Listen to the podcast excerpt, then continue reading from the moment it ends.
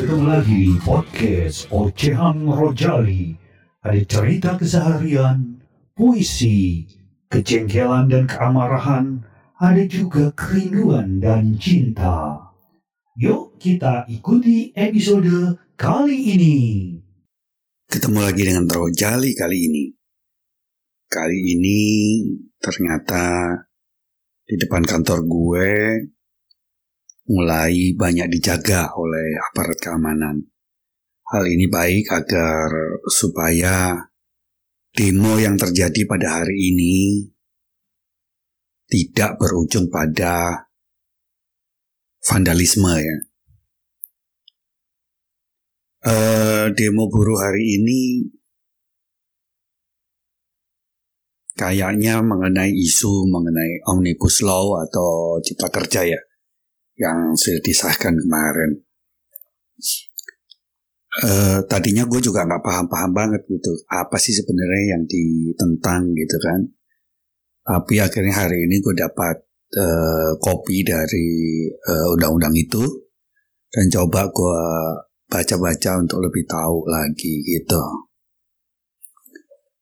Uh, secara singkat sih ada tujuh hal ya uh, tentang perubahan undang-undang ketenagaan kerja dalam undang-undang cipta kerja dan omnibus law uh, cipta kerja ini.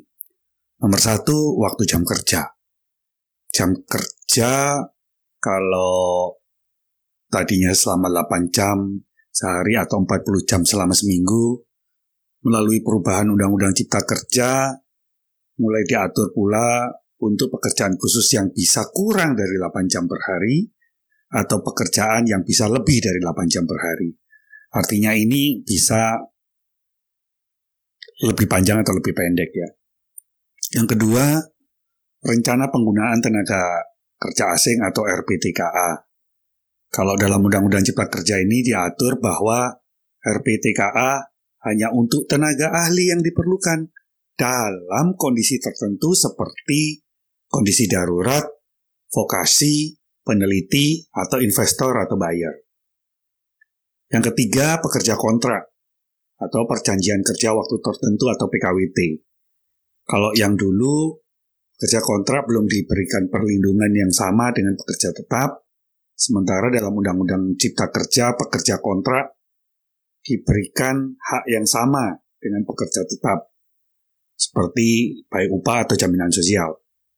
Di pasal 59 ayat 1 Undang-Undang Ketenagakerjaan tahun 13 tahun 2003 dulu dihapus yang mengatur segala jenis pekerjaan yang diperbolehkan untuk menggunakan pekerja yang berstatus PKWT. Yang keempat, mengenai alih daya atau outsourcing. Dalam Undang-Undang Cipta Kerja, alih daya dianggap sebagai bentuk hubungan bisnis.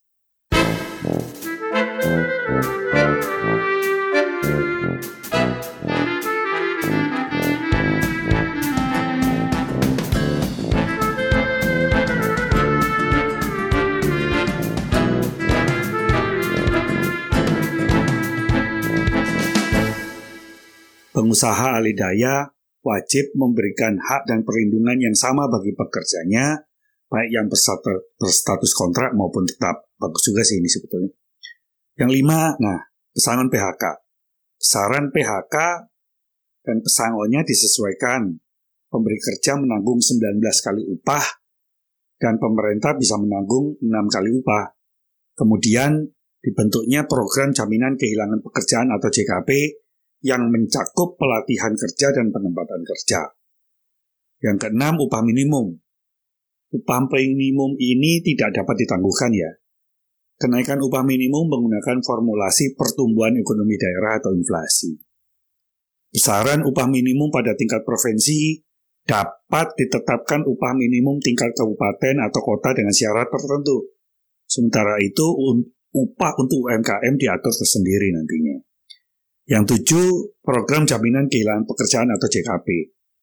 Program JKP memang belum diatur di Undang-Undang Ketenagakerjaan nomor 13 tahun 2003 yang dulu. Tapi program ini sangat dibutuhkan di masa pandemi COVID-19. Banyak pekerja yang terkena PHK di masa sekarang. dengan adanya Undang-Undang Cipta Kerja, pekerja yang terkena PHK tetap mendapatkan perlindungan berupa upah dengan besaran sesuai kesepakatan program KJP atau kehilangan eh, eh, kehilangan jaminan pekerjaan, yaitu pelatihan peningkatan kapasitas atau ke keterampilan dan kemudian mendapatkan pekerjaan dipermudah gimana caranya itu. Selain itu, pekerja yang memperoleh program JKP akan tetap memperoleh jaminan sosial lain berupa jaminan kecelakaan kerja, jaminan hari tua, jaminan pensiun, jaminan kematian, dan jaminan kesehatan nasional.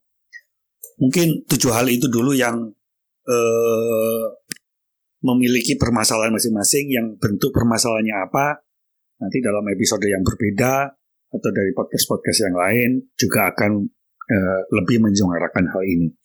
Gue ragu-ragu sih ntar tangkep lagi gue. Pengecut, bodoh. Tapi intinya adalah begini. Demo ini pasti memiliki sebuah alasan ya. Banyak sih sebetulnya kalau di, misalnya di, di diteliti ya. Uh, masalah jam kerja misalnya. Itu juga bisa jadi masalah gitu. Beda kalau yang ngaku lembur taunya lempengin burung gitu kan nggak ada aturannya diatur sendiri dari dulu gitu nah eh, pada intinya sih kalau menurut gue undang-undang cipta kerja ini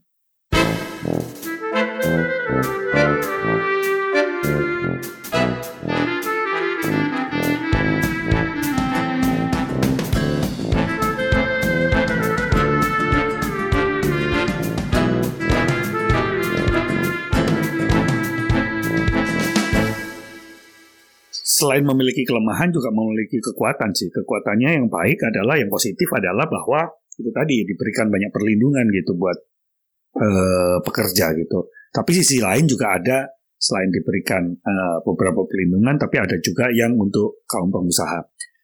Secara mudah, kalau gue lihat adalah bahwa bagaimana mendukung produktivitas dari masing-masing usaha yang pastinya kalau itu eh, produktif dan menghasilkan secara ekonomis baik, maka akan membangkitkan sistem baik pengupahan maupun sistem eh, kompensasi dan benefit terhadap para pekerja.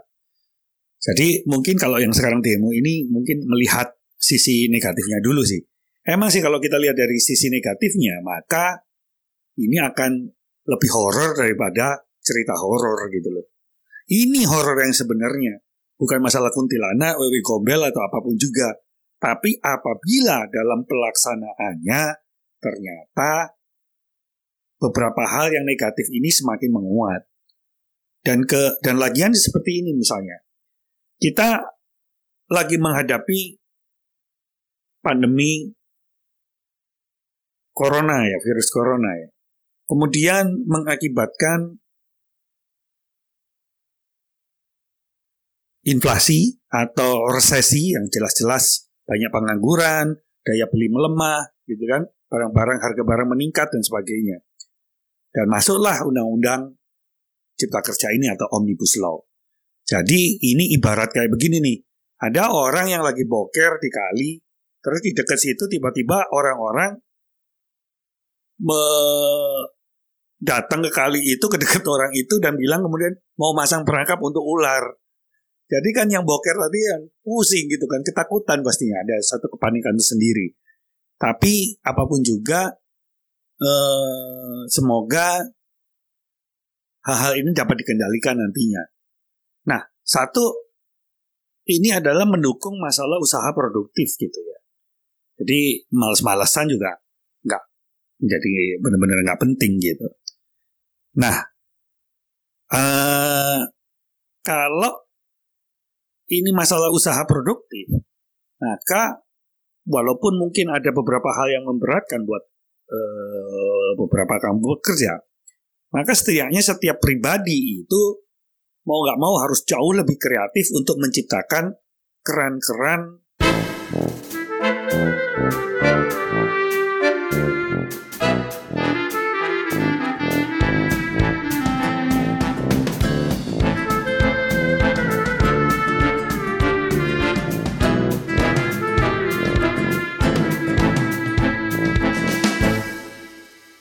satu sumber-sumber penghasilan dengan kreativitasnya gitu. Apakah harus jadi pekerja, apakah harus menjadi uh, wirausaha, entrepreneurship dan sebagainya. Kemudian bagaimana status permodalan, apakah banyak ditunjang oleh pemerintah dan sebagainya. Ini yang menjadi penting bahwa apa pun yang terjadi, kita harus bersiap-siap untuk semakin produktif, berkolaborasi, dan juga melatih diri kita di bidang entrepreneurship ini agar apa? Agar supaya kita tidak terjebak pada satu menjadi pegawai saja, tetapi bagaimana kita menjadi investor, baik menjadi investor e, minor ataupun yang akan bertumbuh menjadi besar tentunya. Kalau kita lihat ini tentu saja efek positifnya ada ya. Tapi ya begitu gitu. Banyak permasalahan dalam bidang entrepreneurship ini atau kewirausahaan di, di mana kaum muda kalau gue lihat sekarang ini semakin produktif juga gitu. Banyak hal yang dikerjakan oleh mereka lebih berani daripada orang-orang semacam gue gitu yang udah mulai uzur gitu kan. Nah, gitu teman-teman. Jadi eh, teman-teman Rojali sekali lagi apa pun yang terjadi, nomor satu adalah jangan kehilangan semangat, Semangat itu dibangun dengan melatih diri kita dengan berbagai keterampilan, baik manajemen maupun keterampilan-keterampilan pekerjaan tertentu yang bisa akhirnya dijadikan satu sumber penghasilan yang membuat kalian semua bangga, gitu ya. Tetapi dalam hal ini adalah bahwa hidup akan menjadi sangat susah kalau kita semakin memperumit kehidupan itu sendiri. Jadi, untuk menjadi lebih bahagia, untuk menjadi lebih uh, mensyukuri kehidupan ini, maka ayo kita mensimplify kehidupan kita. No drama, no rumit-rumit, no ribet-ribet. Stay positif, selamat berjuang, dan selamat bahagia. Salam Rojali.